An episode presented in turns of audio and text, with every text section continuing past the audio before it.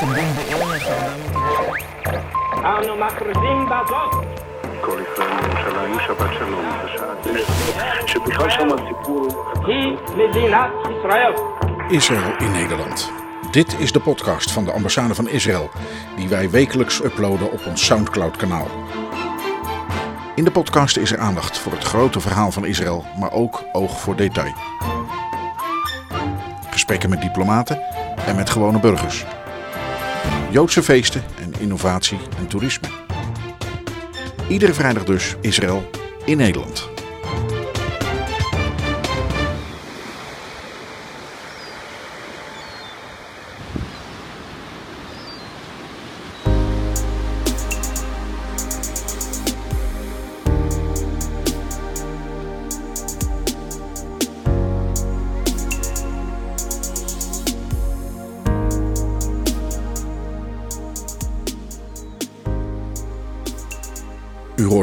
Dit is geen normaal begin van onze podcast. En dat klopt. In de zomervakantie zijn wij een serie begonnen waarvan we besloten hebben die nog even aan te houden. En die serie gaat over iets bijzonders. Ze staat geheel in het teken van 70 jaar relaties tussen Nederland en Israël. Het is een tijdreis naar de beginjaren van Israël.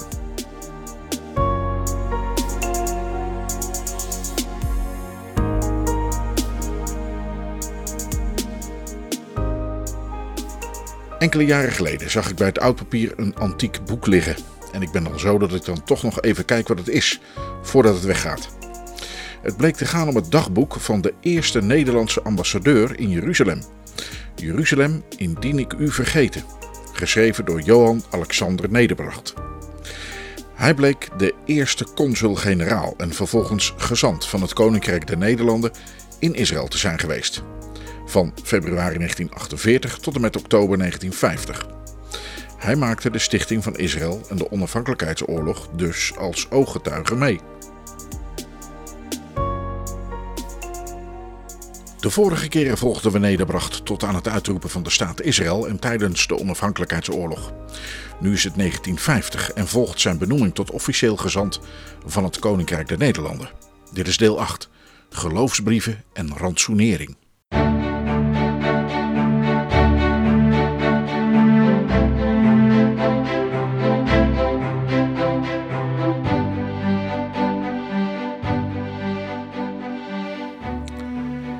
Voordat we beginnen moet ik nog even wat verduidelijken. We gaan lezen in een dagboek uit 1953, een oud boek dus, waarbij ook de taal van toen is. Zo heeft ambassadeur Nederbracht het niet over beschietingen, maar over schieterijen. Vaak gaat het over Lake Success en dat is dan het plaatsje in de Amerikaanse staat New York, waar in 1948 en de jaren daarna onderhandeld wordt over een oplossing van het conflict in het Brits mandaatgebied Palestina. Het gaat over truce, een bestand tussen strijdende partijen, en ceasefire, een staakt het vuren. En in de woorden van Nederbracht is een voorbereidende VN-delegatie een avant-garde der VN. En omdat hij een religieus man is, gereformeerd, zijn voor hem de Bijbelse verhalen deel van zijn dagelijkse realiteit. De vorige keren volgden we Nederbracht tot aan het uitroepen van de staat Israël en tijdens de onafhankelijkheidsoorlog. Nu is het 1950 en volgt zijn benoeming tot officieel gezant van het Koninkrijk der Nederlanden. Dit is deel 8: Geloofsbrieven en rantsoenering.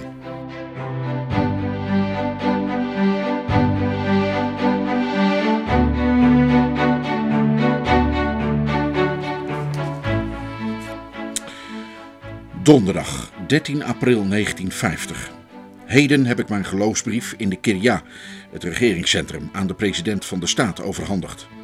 Het was een mooie ceremonie met veel hartelijkheid. Aan Joodse zijde hecht men aan het overhandigen van geloofsbrieven door gezanten van vreemde mogendheden, die tot dusver alle, met ene uitzondering, Joegoslavië heeft hier reeds zijn tweede gezant, de eerste gezant van hun regering bij de regering van Israël zijn, meer waarde dan in oudere staten het geval is, waar deze dingen de glans van het nieuwe niet meer hebben. In ambtelijke kring voegde men daaraan toe dat president Weizmann ook persoonlijk aan de in ontvangstneming van geloofsbrieven van gezanten bijzondere waarde hecht, omdat het deze staatsman in een kleine plaats in Rusland en uit een eenvoudige familie geboren, in een tijd toen de Joden in de verdrukking leefden, een grote voldoening geeft als hoofd van de staat Israël tegenover de gezanten van oudere staten als volkomen gelijkwaardige te staan.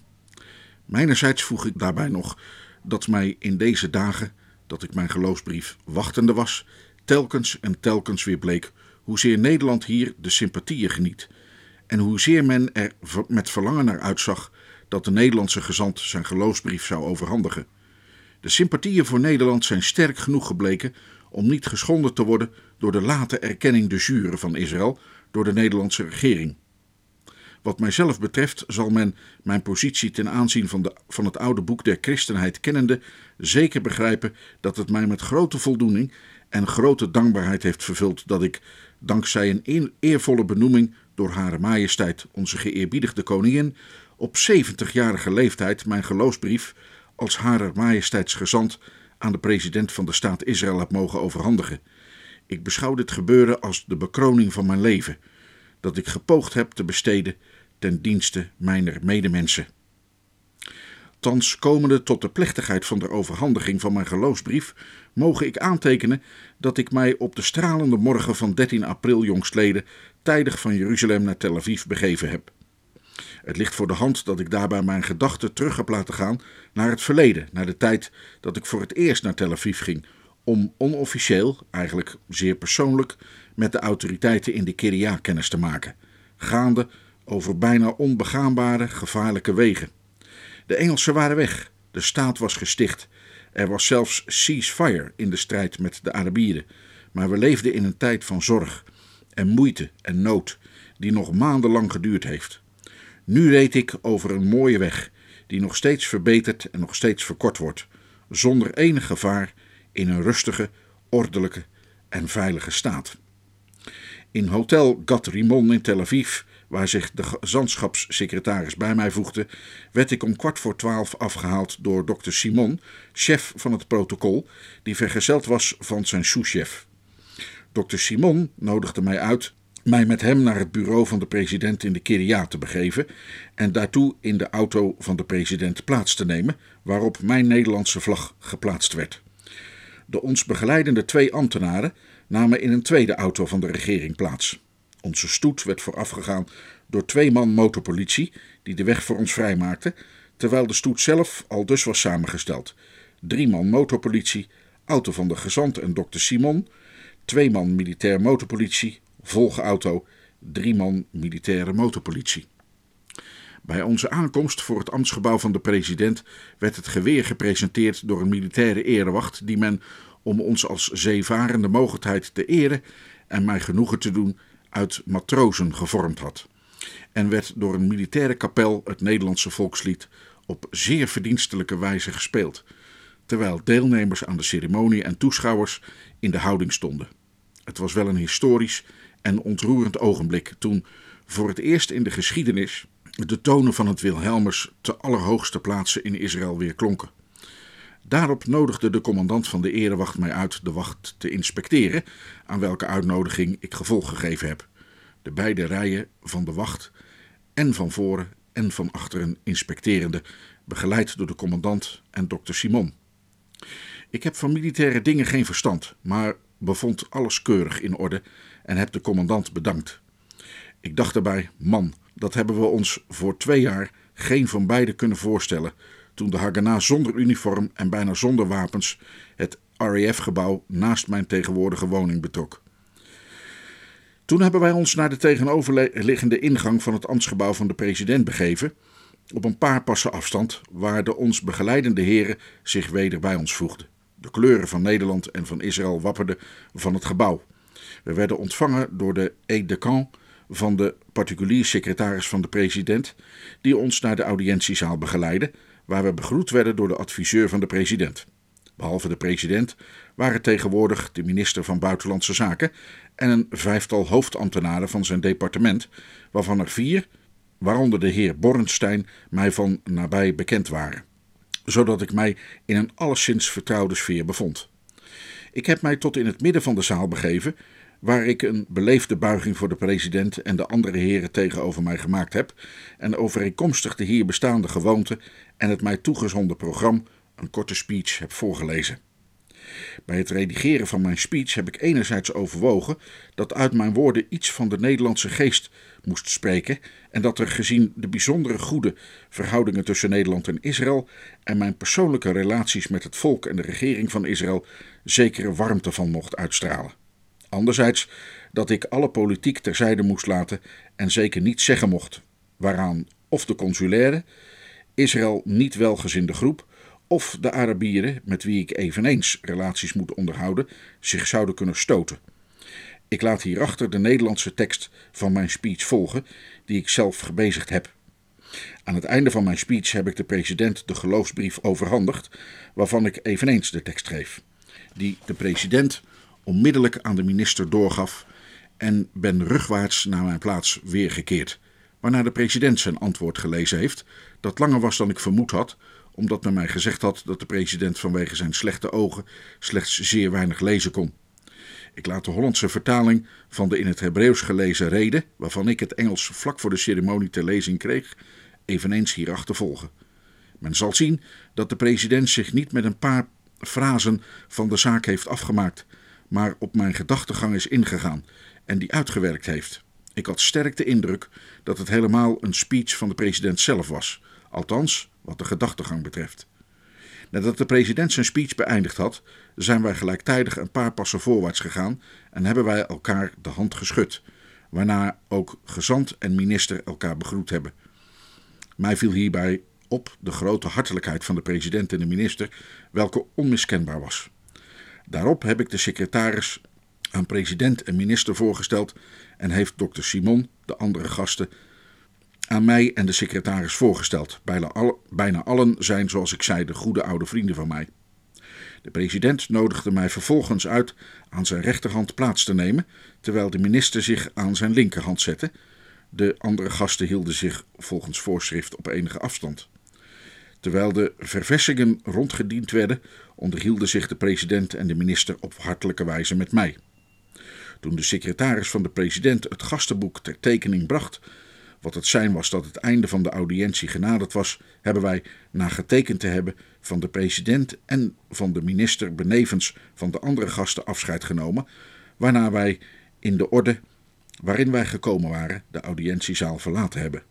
Toen we aan de voet van de trap op de stoep gekomen waren, presenteerde de erewacht wederom het geweer en speelde de militaire kapel de Joodse nationale hymne, die wij alle in de houding aanhoorden, waarna wij van de aide de camp en de particulier secretaris afscheid genomen hebbende, in onze auto's plaatsnamen die ons naar Gatterimon terugbrachten.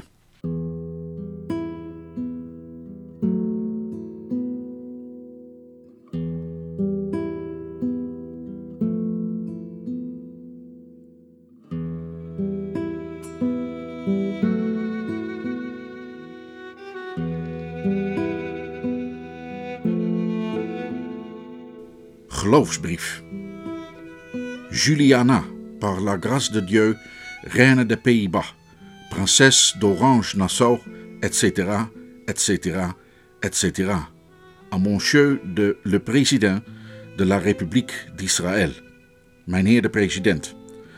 Hartelijk wensende de banden van onze goede verstandhouding en van vriendschap tussen het Koninkrijk der Nederlanden en de Republiek Israël nauwer aan te halen, heb ik besloten mij door een buitengewoon gezant en gevolmachtigd minister bij de Republiek Israël te doen vertegenwoordigen.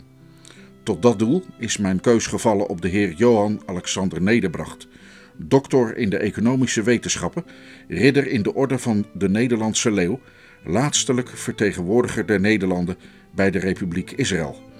En heb ik hem benoemd om gevestigd te zijn bij gezegde Republiek in de hoedanigheid van mijn buitengewoon gezant en gevolmachtigd minister. De persoonlijke eigenschappen die hem onderscheiden, zijn ijver voor mijn dienst en zijn toewijding aan mijn persoon geven mij de zekerheid dat hij mijn vertrouwen zal weten te rechtvaardigen en het uwe verdienen.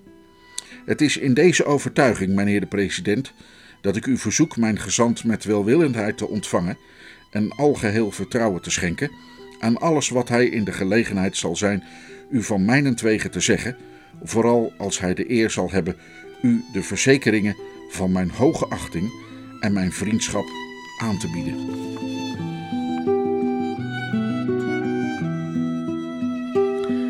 Reden van de gezant, meneer de president het is wel nauwelijks nodig u te zeggen dat het voor mij niet alleen een grote eer, maar ook een grote vreugde is u mijn geloofsbrieven te mogen overhandigen als de eerste Nederlandse gezant in de staat Israël. Het ligt voor de hand dat ik deze dagen nog eens heb nagedacht over de eeuwenoude banden die Israël en Nederland verbinden. Ik ben daartoe ook in een van de bibliotheken van de Heilige Stad gegaan en heb verzocht mij een werk over Rembrandt te geven. Rembrandt leefde in de oude Republiek der Verenigde Nederlanden, die gebouwd was op de grondslagen gelegd door onze vader des vaderlands, Willem van Oranje, de zwijger, de grote voorvechter van gewetens en geloofsvrijheid. Rembrandt leefde in de Jodenbuurt in Amsterdam en schilderde en tekende Joden en telkens weer Joden. En dat met een begrip en een liefde die op zulke aandoenlijke wijze uitkomen in vele van zijn meesterstukken. En als Rembrandt zijn oude moeder uitbeeldt, dan ziet hij haar even aandoenlijk voor zich, lezende in het oude en altijd nieuwe boek. De geest van dat heilige boek, de geest van de vader des vaderlands, de geest van Rembrandt is in ons Nederlandse volk geen sinds uitgestorven. Dat is de verklaring waarom telkens de jongste storm, die over de wereld, ook over Nederland, ook over de Joden ging, zoveel Nederlanders alles erop gezet hebben om de kinderen van uw volk te beschermen. Aan deze oude en altijd nieuwe historische betrekkingen op ideeel gebied paren zich menigerlei betrekkingen van culturele aard en economische betrekkingen die, zie ik het goed, een grote toekomst hebben. Ik mag wel zeggen dat tal van Nederlanders, tal van personen van Nederlandse afkomst en velen die zonder Nederlanders of van Nederlandse afkomst te zijn in Nederland hun opleiding genoten, medewerken aan de opbouw van uw staat. En het is vaak met ontroering dat ik zie hoe deze mensen, zij mogen al of niet behoren tot mijn kolonie, die mij zo na aan het hart ligt, met banden van liefde aan mijn land en volk verbonden zijn. Overigens is in de laatste tijd telkens weer gebleken dat ook op het gebied van wetenschappelijk onderzoek, scientific research, dat zozeer uw warme belangstelling heeft op het gebied der waterbouwkunde, als anderszins Nederland en Israël veel voor en met elkaar kunnen doen. Wij Nederlanders hebben waardering voor oude Joodse wijsheid. Mij persoonlijk is bijzonder lief een spreuk die ik niet voor het eerst aanhaal, volgens welke de wereld rust op drie dingen: op de waarheid, op het recht en op de vrede. Al shlosha dvarim ha'olam kayam, ala emet, al hadin, ala shalom. Als ik ondanks mijn jaren im Yirtzeh Hashem als de naam, dus als God, zal willen. Nog enige tijd de regering van Hare Majesteit bij uw regering mag vertegenwoordigen, dan zal ik het mijn plicht achten en het mij tot vreugde rekenen met de regering van Israël samen te werken in alles wat de waarheid, het recht en de vrede dient.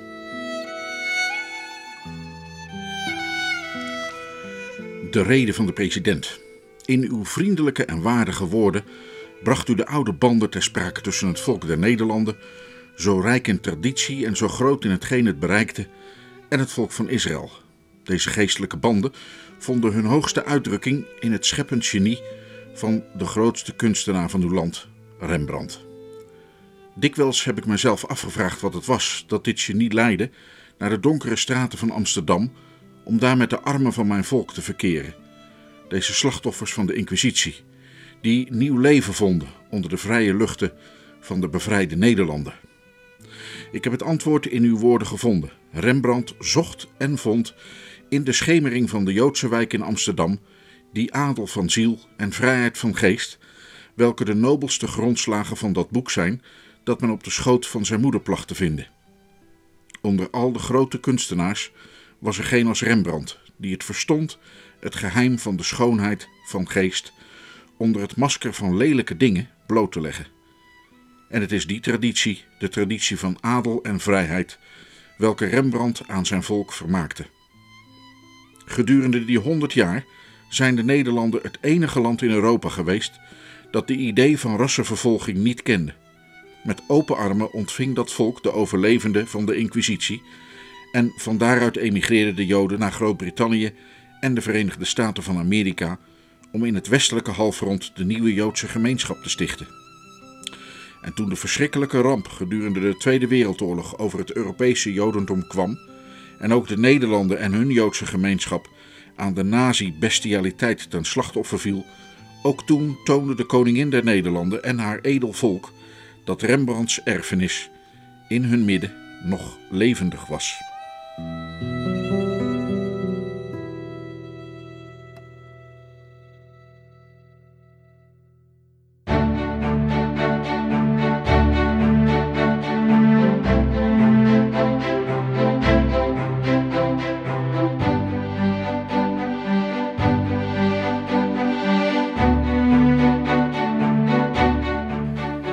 Boteren doet het nog steeds tussen Jordanië en de overige Arabische staten niet.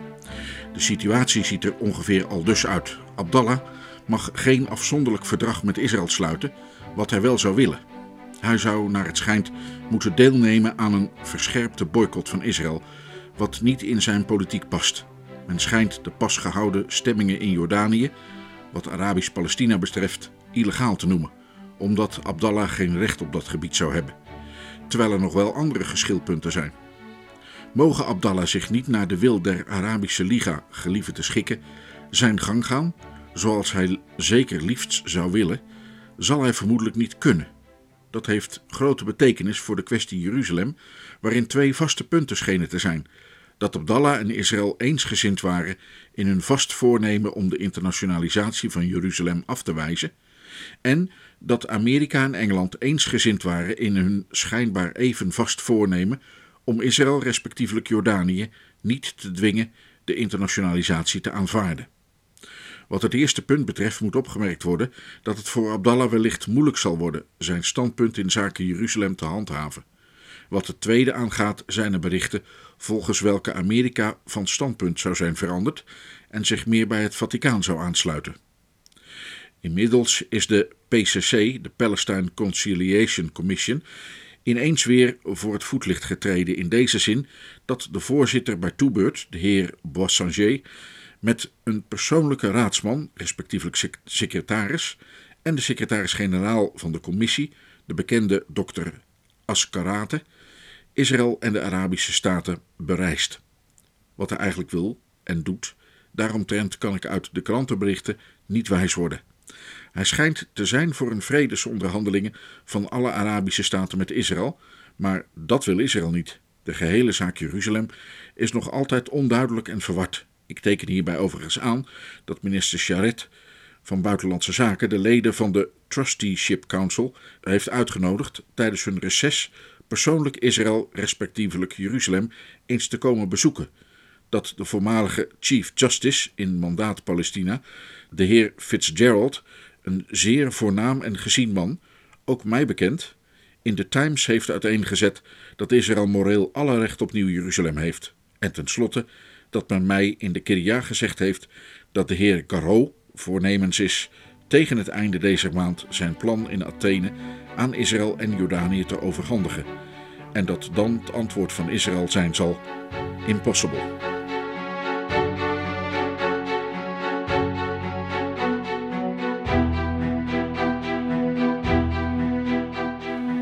Donderdag 27 april 1950.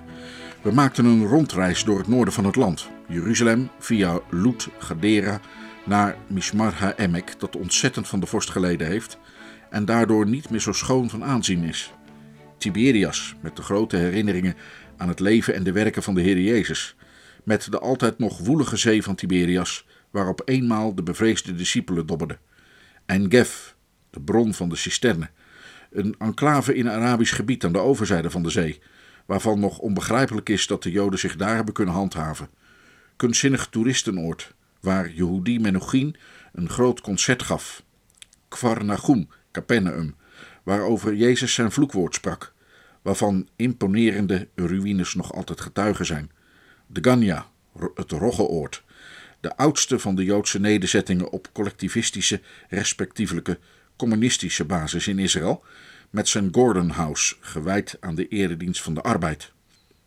Asdot Jacob, de watervallen van Jacob, de mooiste van de nederzettingen, waar de gezinnen buiten de werkuren als in de vrije natuur leven. Cana in Galilea, het interessante dorp waar Jezus' eerste wonder geschiedde. Nazareth als Cana in een heerlijke streek gelegen, met de berg waarvan men Jezus naar beneden wilde storten, om een preek die de Joden niet beviel. Akko, Saint-Jean d'Acre, de oude vesting, uit de heel oude tijd bekend, ook uit de kruisriddertijd, waarvoor Napoleon in 1799 zijn hoofd stootte en dat in 1918 door de Engelsen veroverd werd. Naharia, dorp van de Jekkers of Duitse Joden. Naharia bleibt Deutsch heette het in de tijd. Min of meer moderne badplaats. Karmel, Herzliya, Jeruzalem. Tot welke opmerkingen geeft zo'n rondreis aanleiding? Voor eerst ziet men dat de verovering van het land door de cultuur onweerstaanbaar voortschrijdt, dorp na dorp verrijst, zonder echter aan de schoonheid van het land iets toe te voegen. In de nederzettingen heerst de wet van de arbeid, die op de duur wel schone dorpen tot stand kan brengen, zoals de Gania en Asdod Jacob bewijzen. De mens wordt er beoordeeld naar zijn geschiktheid en bekwaamheid voor de arbeid. Een stoere vrouw, Mirjam Barats, werkt nog steeds in de koestal, maar schrijft in haar vrije tijd boeken en schijnt meer nog in ere dan haar man, die parlementslid is. Het privaatbezit heeft wel een neiging om een beetje terrein te veroveren. Maar het communisme, hier in het geheel niet politiek bedoeld, handhaaft zich en laat de mensen wel hard werken, maar ontheft ze van zorg. Het gezin reclameert zijn rechten, maar hoewel de gemeenschappelijke opvoeding hoofdzaak blijft, geldt ook ten deze tot op zekere hoogte chasser le naturel, il revient au galop. En tenslotte, het is een wonderbaarlijk maar onmiskenbaar feit dat de mensen van de kibbutzim, die alle met liefde over hun way of life spreken, zonder noemenswaardige uitzonderingen in vrede en vriendschap met elkaar leven. De kibbutz is een menselijk, nog meer dan een economisch experiment. Economisch heeft zij veel tot stand gebracht en moet zij in het algemeen als geslaagd worden beschouwd. En wat het menselijke aangaat, is zij een voorbeeld van hoog gehalte, ook voor wie aan een andere way of life de voorkeur geeft.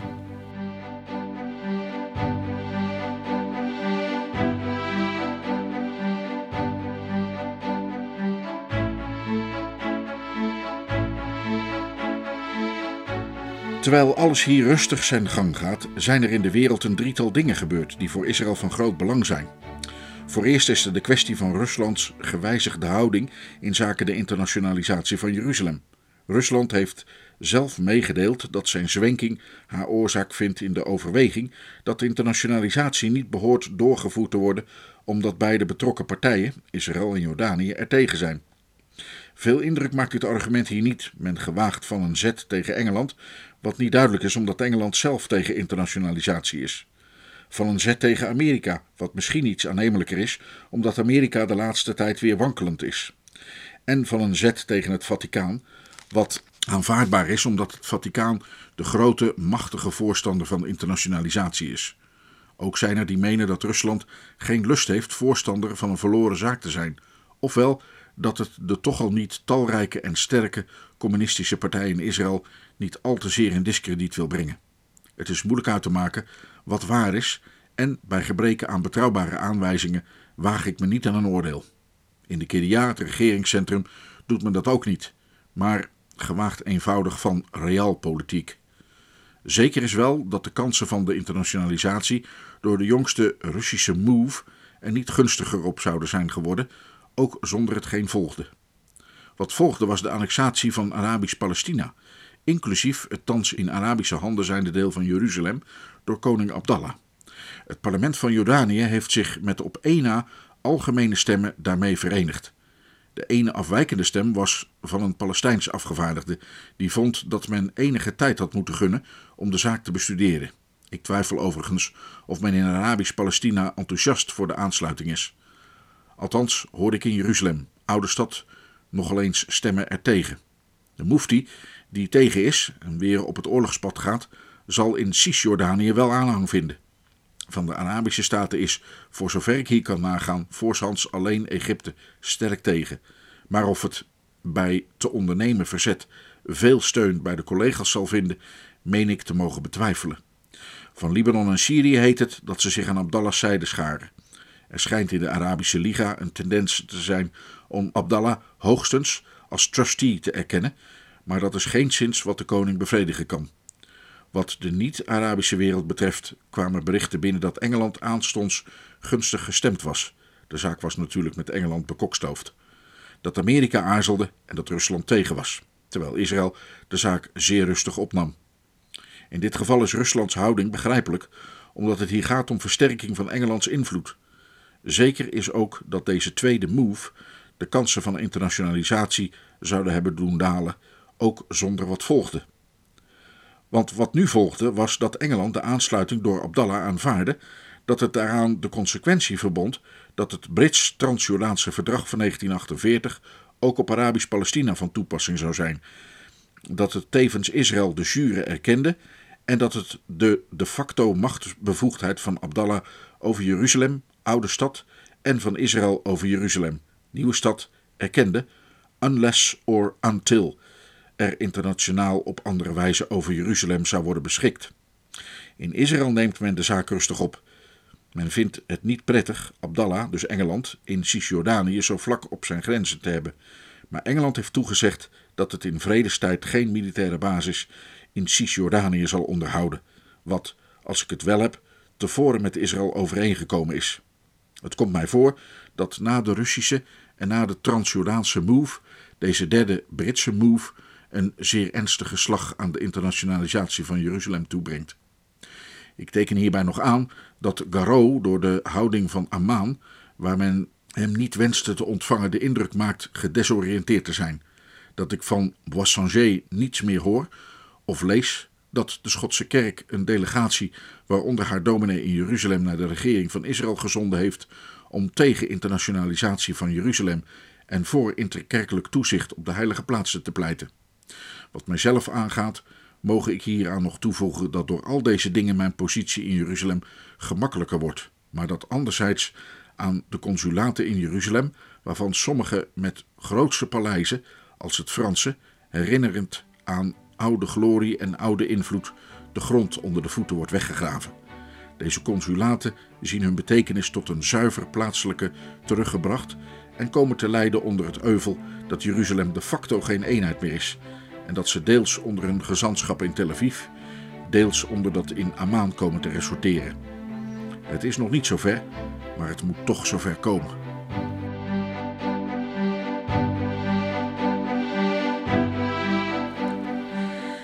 De tweede verjaardag van de stichting van de staat Israël, de tweede Yom Ha'atzmaut, zelfstandigheidsdag, is met groot enthousiasme gevierd. Voor de diplomaten waren er drie dingen georganiseerd. Een staatsdiner in Hotel Sharon in Herzliya, gegeven door de heer en mevrouw Charette, de minister van Buitenlandse Zaken. Een ontvangst in het ambtsgebouw van de president, om het koor diplomatiek gelegenheid te geven hun wensen en die van hun regeringen aan president Weizmann aan te bieden en een galaavond, een bal, in de woning van de president in Rehovot. Wat Jeruzalem betreft, daar had de vertegenwoordiger van Buitenlandse Zaken, de heer Biran, gouverneur van Jeruzalem, een ontvangst georganiseerd waar ook de consuls-generaal gelegenheid kregen goede wensen aan te bieden, hetgeen zij naar ik hoor ook deden. Ik was ten onrechte uit kracht der gewoonte daar ook genodigd, maar was op ongeveer hetzelfde ogenblik bij de president in Rehovot. Verder was er een grote parade in de stad en een ontvangst door de heer Ben Gurion in een stadstuin, waar nog diplomatieke, nog consulaire heren genodigd waren.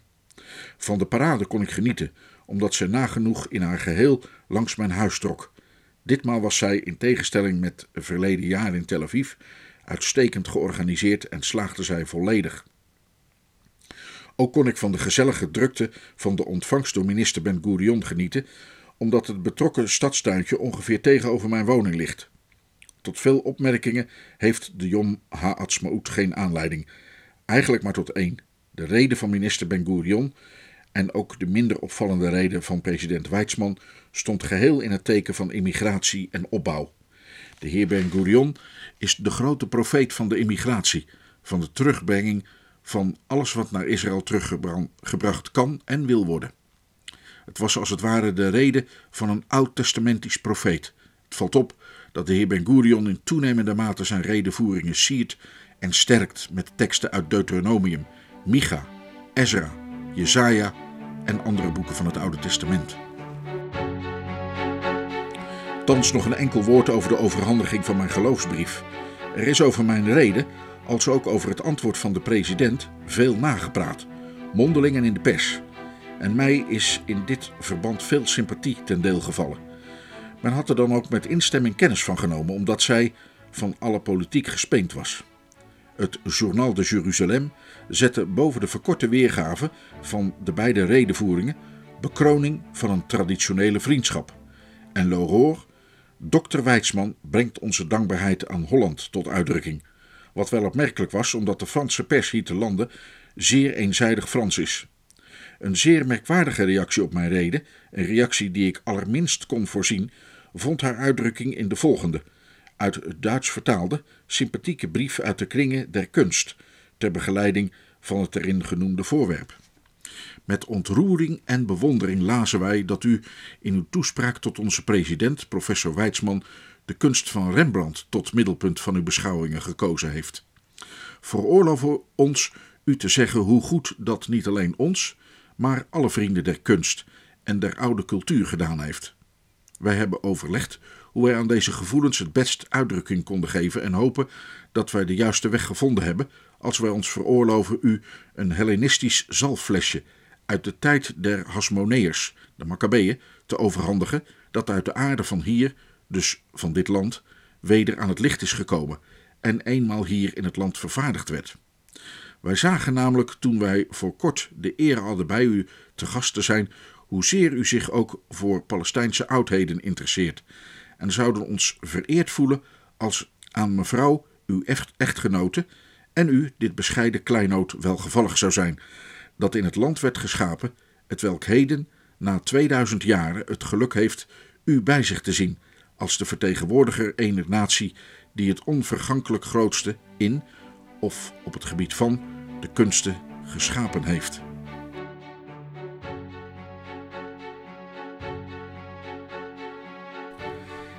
In de late namiddag van 25 mei gaan we even naar ons geliefd Oord, Eindkerm. We zitten op het muurtje van de bron en kijken toe hoe mannen, vrouwen en kinderen uit het dorp water komen halen. Een klein meisje staat rustig, heel parmantig, met een groot blik vol water op het hoofd naar de anderen te kijken. Er komen ook ezels, het zij om zelf te drinken, het zij om water voor de mensen in het dorp te halen. Mensen en ezels zijn ordelijk en verdringen elkaar niet. Ieder wacht zijn tijd af. Het is een toonbeeld van verkwikkende rust. Men zou uren willen blijven zitten en van dit schouwspel genieten. En men moet denken aan een groot leraar en profeet in Israël die ook gaarne aan de bron zat. En dan praten over levend water.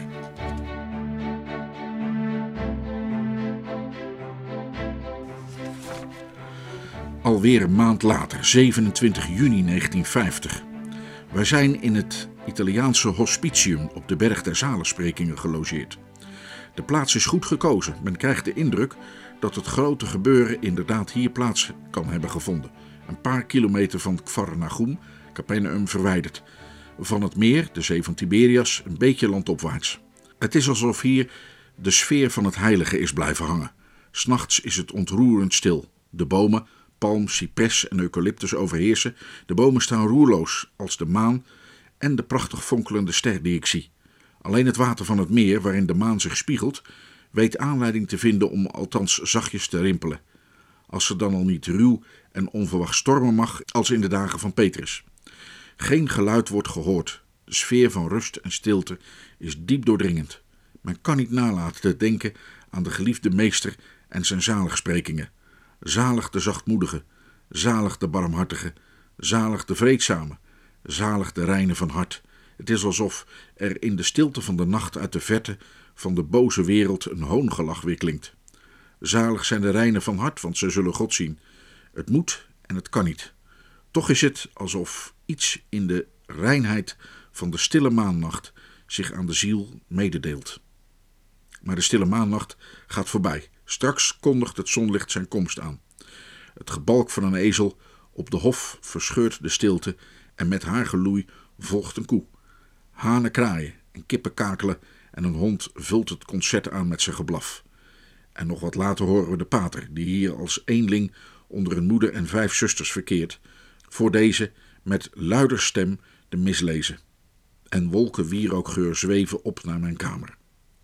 Dan neemt het dagelijks leven zijn loop. De curé verzorgt zijn katten, die hij bij name roept, en de zusters stijgen aan haar huishoudelijk werk. De idylle is verbroken.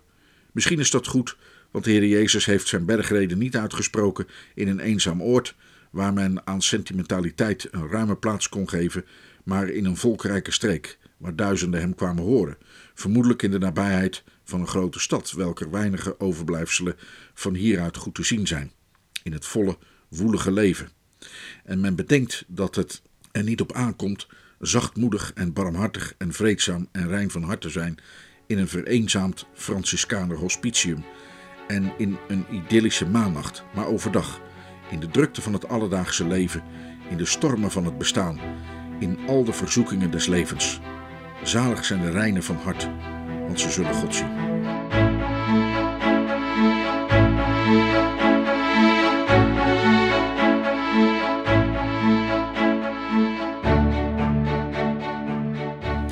Het zijn niet allemaal juichtonen die men in en over Israël kan doen horen.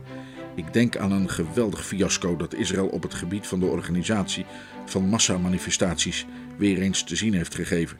Eerst op een persbal in Tel Aviv, dat tot een waar schandaal werd, waarna weer allerlei kleine échecs volgden, totdat nu onlangs een luchtdag van Israël, waarvan mevrouw Weitzman, de echtgenote van de president, patrones was, en waarbij zij een rol had te vervullen, zo grandioos mislukte dat het programma vanwege de chaos niet doorgevoerd kon worden en het feest ontijdig moest worden afgebroken.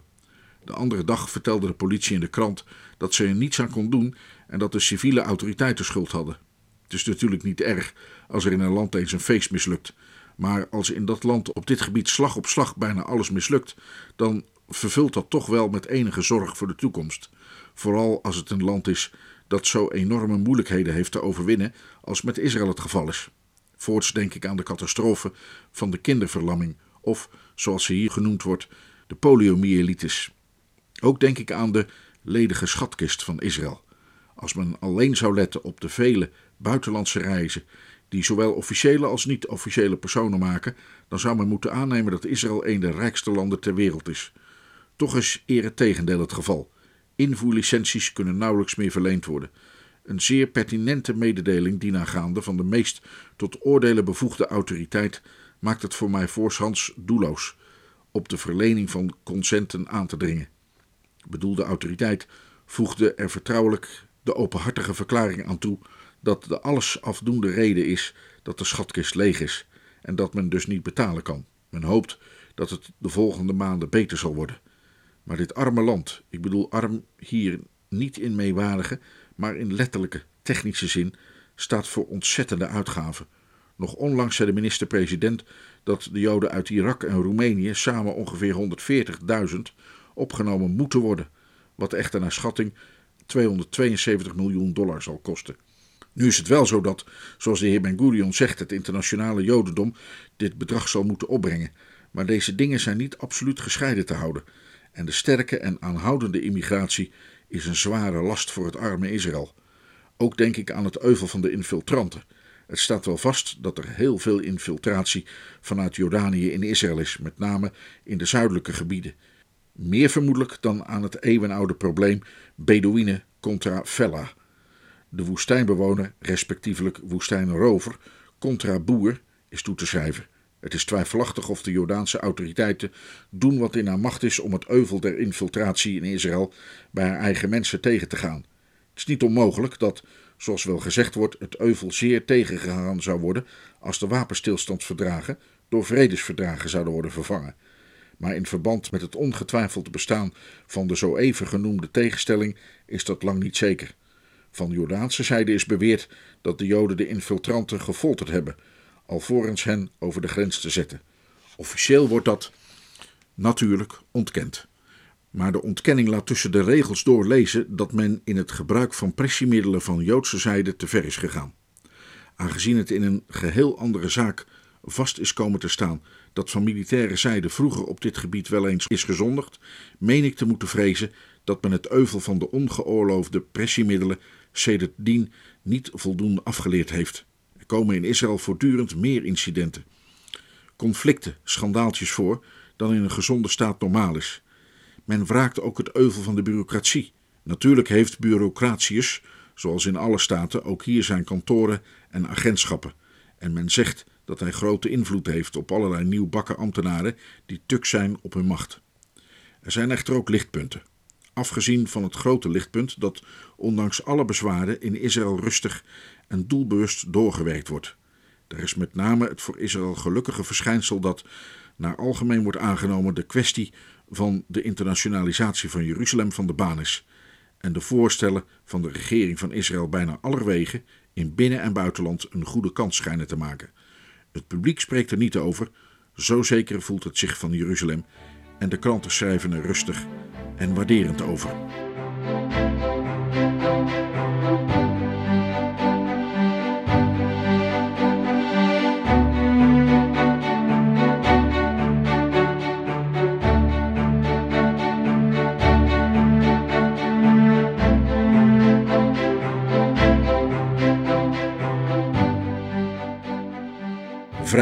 7 juli 1950. De kwestie van de infiltranten liet me niet los. Ik wilde zekerheid hebben dat mijn sumieroordeel juist was. Er was maar één man die mij daarover op betrouwbare wijze kon inlichten: generaal Riley, chef van de staf der Verenigde Naties in Israël. Ik ben dus naar de heer Riley gestapt. De generaal is een man van 50 à 55 jaar. Flinke figuur, iets wat gezet, keurige persoonlijkheid. Hij is 33 jaar in het leger geweest. Zijn gedragingen in Israël hebben hem doen kennen als een eerlijk, fatsoenlijk man. Ik heb de generaal in zijn bureau opgezocht, in het voormalige gouvernementsgebouw, door de mandaatsregering gebouwd als woning en zetel van de hoge commissaris. Het gebouw ligt op de berg van de Boze Raad. Men heeft van de berg een prachtig uitzicht op de gehele omgeving naar alle richtingen. De generaal ontving mij in een der bovenkamers van het vrijledige gebouw, waar hij in de voormalige slaapkamer van de laatste hoge commissaris, de heer Cunningham, een bureau voor zich heeft ingericht.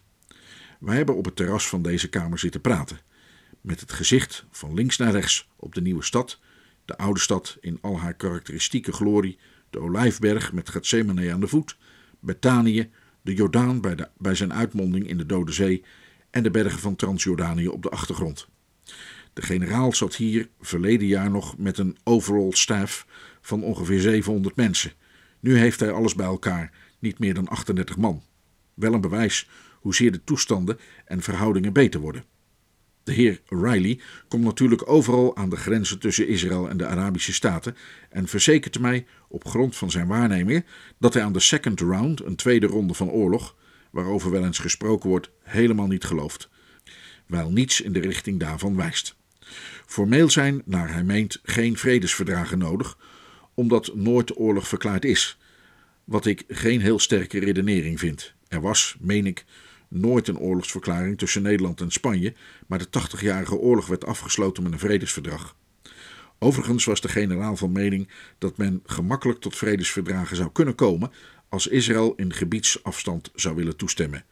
Het gaat dan op Noord-Galilea, of althans in gebiedsruil.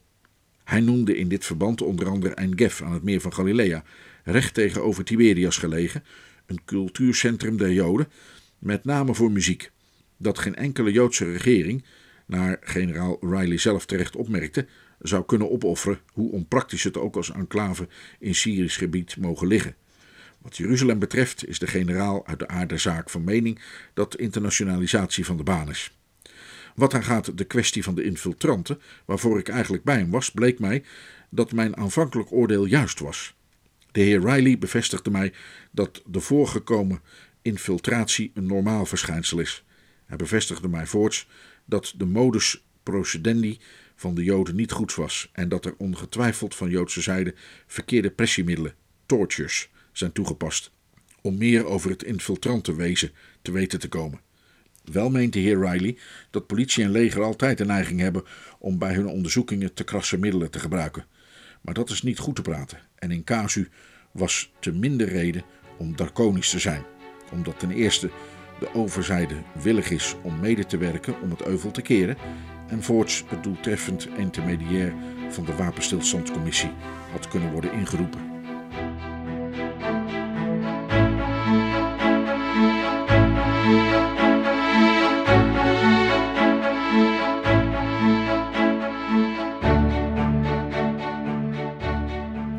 Ik heb nog een andere tour d'horizon gemaakt. Niet met een autoriteit van de Kiria en niet zozeer op het gebied van de internationale politiek, maar met een man uit de Zionistische beweging en het bedrijfsleven om en in hoofdzaak op het terrein van de binnenlandse toestanden. Mijn medetoerist langs de horizon vindt dat het in Israël niet goed gaat. Hij uitte zijn bezorgdheid op vier punten, die ik wellicht het best al dus typeren kan: geen mensen, geen plan, geen geld, geen eten. In de eerste plaats geen mensen. Daar is natuurlijk Ben Gurion, de minister-president, de grote profeet, met name van de terugbrenging van de kinderen Israëls naar het oude land.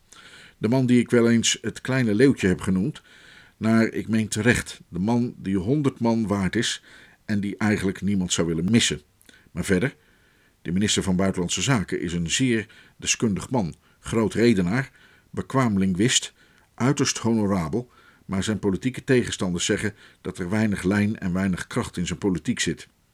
De heer Kaplan, minister van Financiën, acht men geen man die tegen de eisen van de tijd is opgewassen en wiens kracht misschien is dat hij op het kompas van sterker financiële krachten zeilt. Dr. Jozef, minister van Bevoorrading, beschouwt men als een mislukking, die menig onbevangen beoordelaar geneigd is te erkennen, als hij op de resultaten let. De heer Remes, verkeersminister, die een gezaghebbend man is, heeft met ziekte te kampen gehad. Mevrouw Golda Meijerson, minister van Arbeid, was, naar ik meende en nog meen, een sterke figuur, maar er zijn dingen die erop wijzen dat men haar wegwerken wil, om mij onbekende redenen. Rav Maimon, minister van Religie, heeft telkens kwesties en loopt dan uit de kabinetszitting weg, enzovoorts. Er is, om zo te zeggen, een latente crisis. Of, en hoe haar uitbreken kan voorkomen dan wel geheeld kan worden, weet ik niet. Het euvel is eigenlijk niet dat de Joden hier niet bekwaam zijn, want dat zijn ze wel, maar meer dat hun taak uitzonderlijk zwaar is en dat hun politieke scholing nog niet geheel toereikend is. In de tweede plaats, zo zeide ik, geen plan. Wel allerlei plannen, die met noeste vlijt en met grote bekwaamheid uitgevoerd worden, maar op het grote punt slechts de negativiteit, de non-identification, waarover men mij in de Kiria altijd spreekt, de niet-keuze tussen Oost en West. Maar, zo meent mijn zegsman, als we geen keuze durven doen tussen Oost en West, en dus ook de voordelen niet kunnen oogsten die aansluiting bij West ons zou bieden, komen wij niet uit de misère. De mening van mijn zegsman laat ik zeker op dit punt geheel voor zijn rekening. Ten derde zeide ik geen geld. Hierover kan ik heel kort zijn, aangezien het onomstotelijk vaststaat dat de kas zo goed als leeg is. In zo ernstige maat dat over de maand juni, zoals ik eerder zeide, geen invoerlicenties verleend konden worden. En dan in de vierde plaats geen voorraden. De, ten deze kan ik niet met zekerheid spreken, maar enerzijds staat vast dat de rantsoelen al lager en lager worden en thans op een zeer laag pijl staan, dat evenwel nog net voldoende voor de volksvoeding geacht wordt, en anderzijds wordt mij van verschillende zijden verzekerd dat de aanwezige voorraden slechts voor een paar weken toereikend zijn, wat uiterst bedenkelijk moet geacht worden met het oog op de mogelijkheid van de befaamde second round, of onderbreking van de aanvoeren door enige andere calamiteit. Der lange reden, koetser zien, is dat het, zoals ik zeide, naar men meent in Israël niet goed gaat. Ik behoor tot degenen die van mening zijn dat de jonge staat door al deze dingen heen zal komen. Maar dat doet niets af aan het feit dat Israël het op het ogenblik zwaar heeft.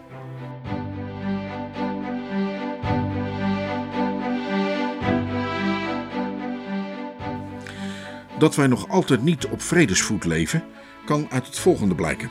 De Mount Scopus, grenzende aan de Olijfberg, is een Joodse enclave in Arabisch gebied.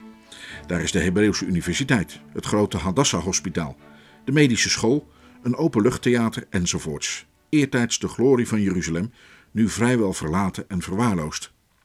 De Joden hebben de Mount Scopus in de oorlog weten te behouden.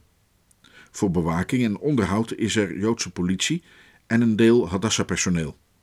Aan levende haven is er een dierentuin.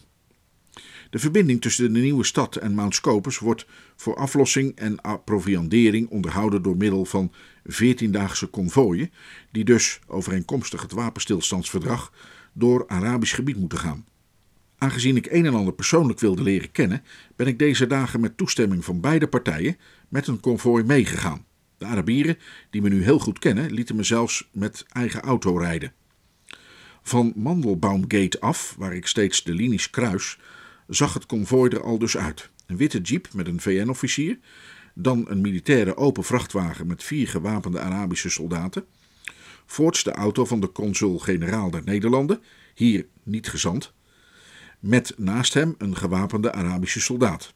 Een geblindeerde auto met politie, zo potdicht dat de chauffeur maar een dun spleetje heeft om de weg te overzien. Een even potdicht vehikel volgepakt met toeristen, goeddeels de Amerikanen. Een dichte wagen met Hadassa-personeel, met op de bok een VN-chauffeur en een gewapende Arabische soldaat ernaast. Dan volgen drie open vrachtwagens voor vervoer van levensmiddelen op dezelfde wijze bemand als de Hadassa-wagen. En tussenin en aan het slot drie jeeps, naar ik meen een Arabische en twee van de VN. Men was ditmaal van de Arabische zijde zeer lastig, getuigen de potdicht gemaakte wagens en getuigen het feit dat deze keer een hoeveelheid ezelsvlees voor de zoo op de Scopers niet mee mocht. Toen ik op de terugweg bij de Mandelbaumkeet het Arabische gebied verliet, boden de Arabieren mij excuses aan, blijkbaar omdat zij een soldaat naast mij in de auto gepoot hadden. Ik vond dat helemaal niet erg en ken het van vroeger, voorjaar 1948. Maar toen was het oorlog en nu nog alles behalve pijs en vree.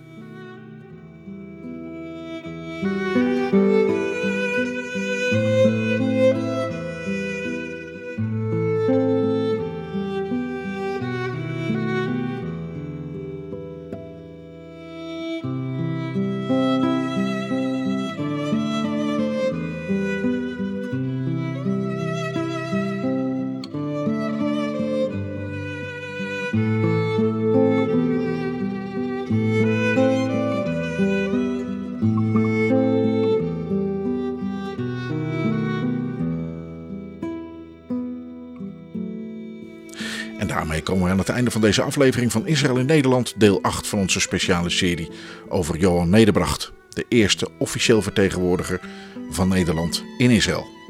Volgende keer deel 9, het besluit. Graag tot dan.